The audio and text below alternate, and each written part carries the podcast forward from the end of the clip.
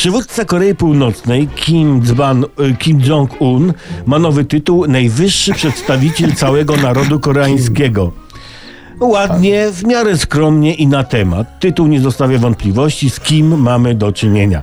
My w Polsce powoli wprowadzamy politykę podobną do tej północno-koreańskiej, więc warto i dla naszego przywódcy wymyśleć stosowny tytuł, a nie w kółko prezes i prezes. Albo kilka tytułów, żeby nie powtarzać w kółko tego samego, prawda? Można nadać krótki tytuł, można długi, byleby się pozytywnie kojarzył i może był bardziej metaforyczny, barwny, nienudny. No z krótkich określeń mógł być winę tu. Prawda? Ładnie. Faraon. To wtedy na jego podwładnych moglibyśmy mówić mrówki faraona. Prawda? Y, Z dłuższych to mogłoby być, no nie wiem, najwyższy pestydyt dla szkodników Polski.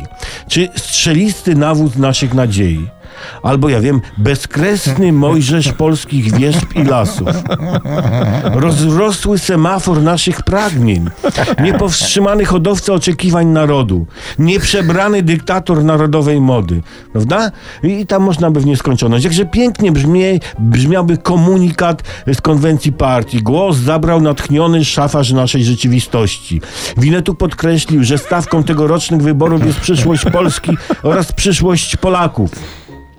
Monumentalny wodzirej narodu dodał, że najważniejszym aspektem prowadzenia polityki jest zdolno, jest równość oraz sprawiedliwość. Przemówienie nadludzkiego lwa Europy udowodniło, że słusznie należy mu się tytuł Pan Samochodzik, gdyż jest on niepowstrzymanym metrem naszych tuneli.